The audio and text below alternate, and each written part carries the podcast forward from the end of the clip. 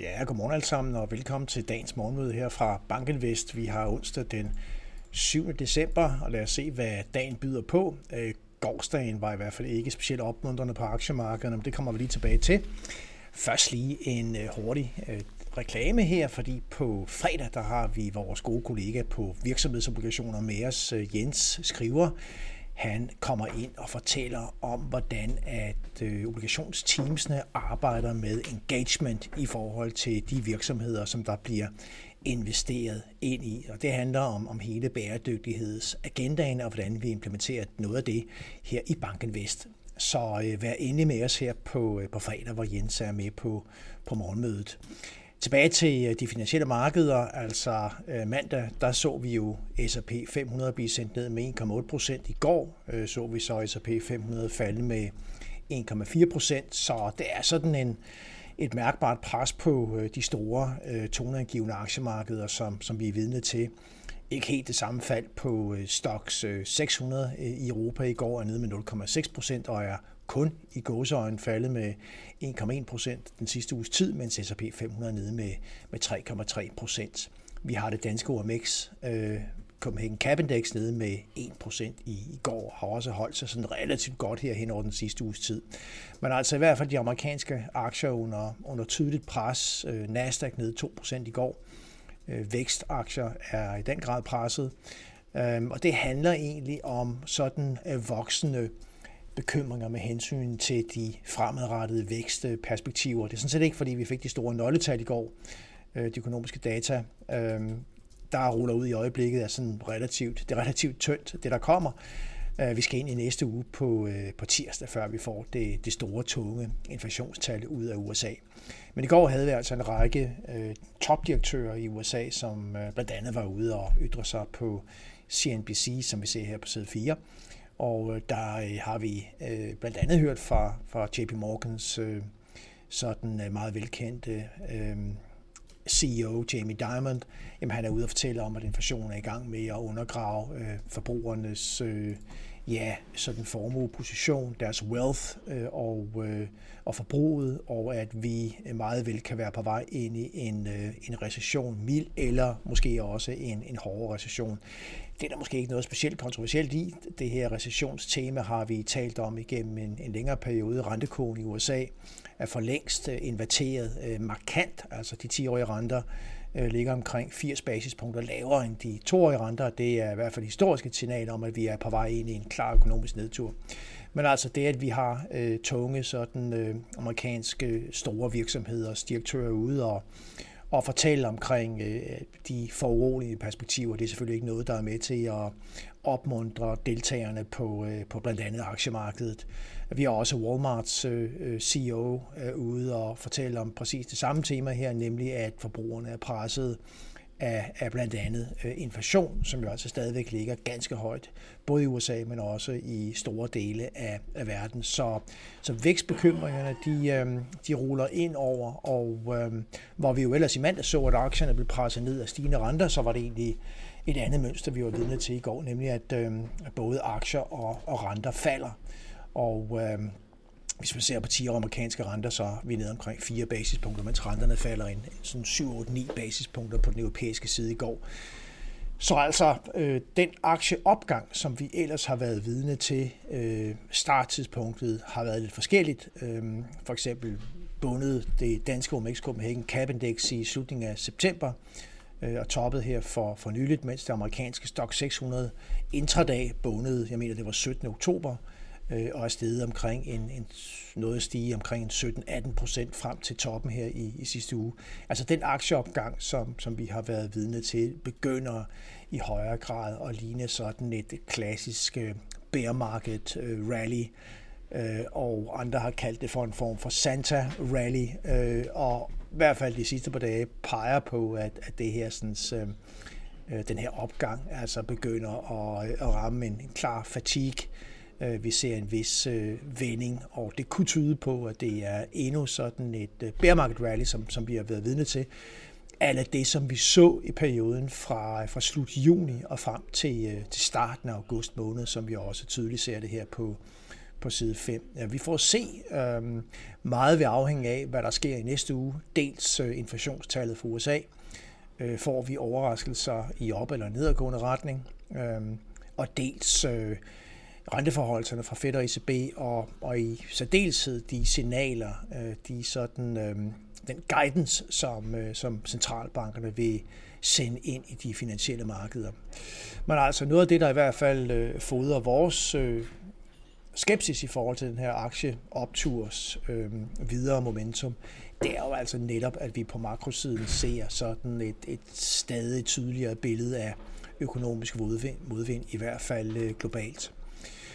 Her til morgen har vi eksempelvis fået kinesiske øh, handelstal offentliggjort, og øh, hvis man sådan ser på de her sådan, årlige øh, ændringer i øh, eksporten og importen, målt i øh, dollar, som vi har det på figuren til venstre på side 7, jamen så er den kinesiske eksport nede med næsten 9% i forhold til samme periode sidste år.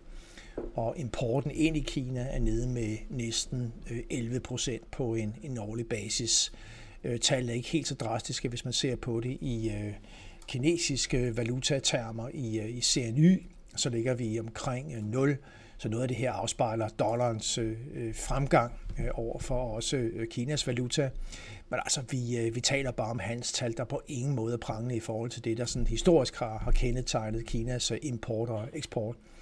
Øhm, Kina er jo i den øh, gunstige situation, at når man ser på forskel mellem eksport og importen, altså handelsbalancen, handelsoverskuddet, så er det faktisk nu på, på all-time high niveauer. Og det er, har jo altså været et, et, og er jo stadigvæk sådan en, en kilde til en konflikt i forhold til, øh, til Vesten, jævnfører øh, for nogle år tilbage, da Trump skød øh, handelskrigene i, i gang.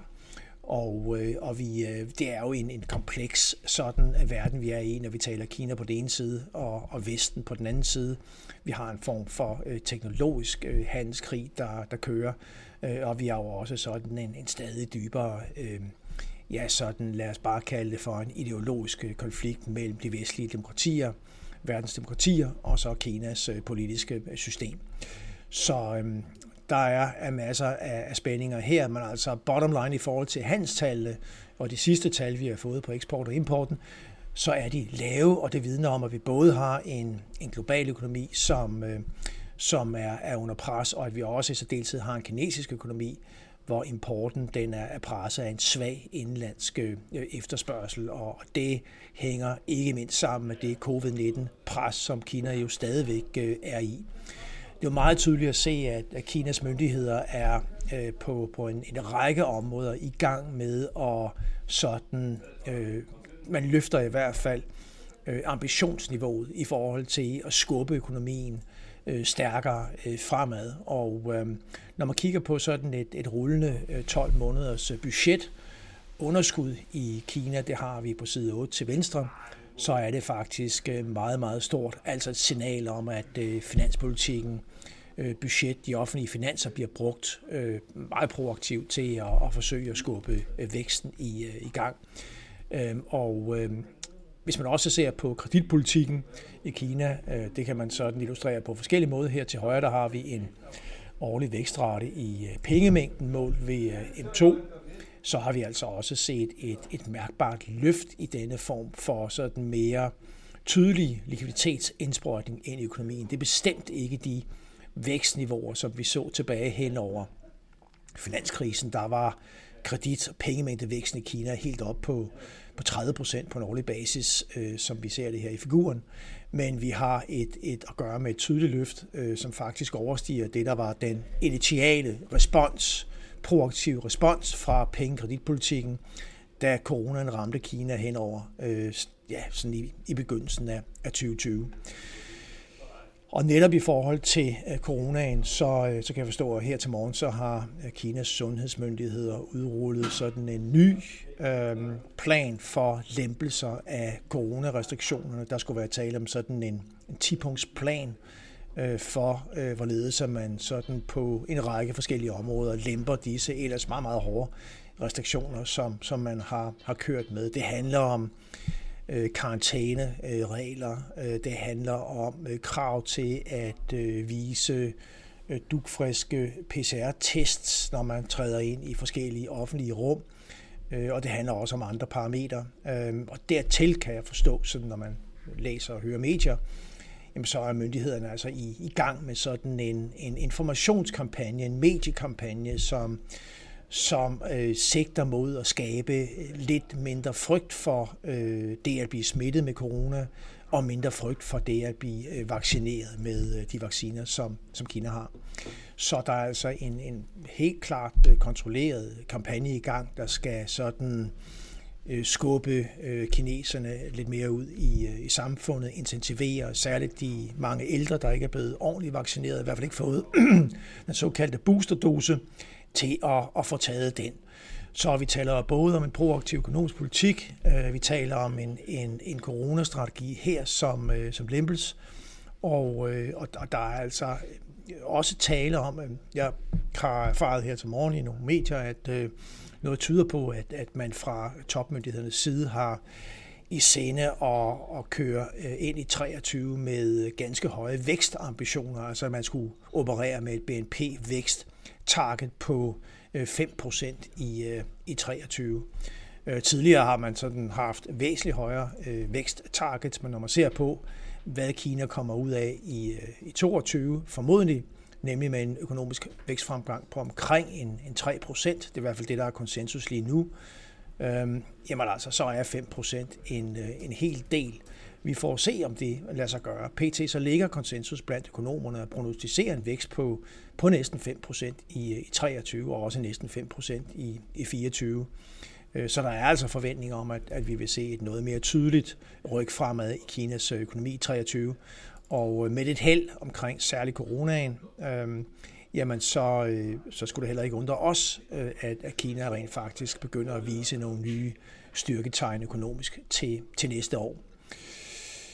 Så nok om Kina. Øhm, markederne her fra morgenstunden, vi ligger stort set øh, flat på de amerikanske futures til morgen. Vi har en øh, Shanghai-børs, som øh, trækker lidt ned, trods de her nye proaktive øh, corona-meldinger, altså i forhold til restriktionerne. Der er en bekymring for, at øh, smitteantallet i Kina vil øh, kunne eksplodere øh, ret kraftigt. Det bliver meget, meget spændende at følge smittetallene her i de kommende måneder. Vi har en amerikansk rente, der ligger sådan rimelig stabilt omkring 3,5 procent. Øh, igen, ikke de helt store økonomiske tal i dag. Europæisk industriproduktion får vi øh, offentliggjort fra ja, forskellige europæiske lande. Det er en i næste uge, hvor vi har de store centralbankmøder og det amerikanske inflationstal, at øh, vi nok for alvor kommer til at se nogle markeder, der, der viser store udsving. Øhm, og med det, tak for at I var med her til morgen. Ha' en rigtig god dag. Vi er tilbage i morgen tidlig.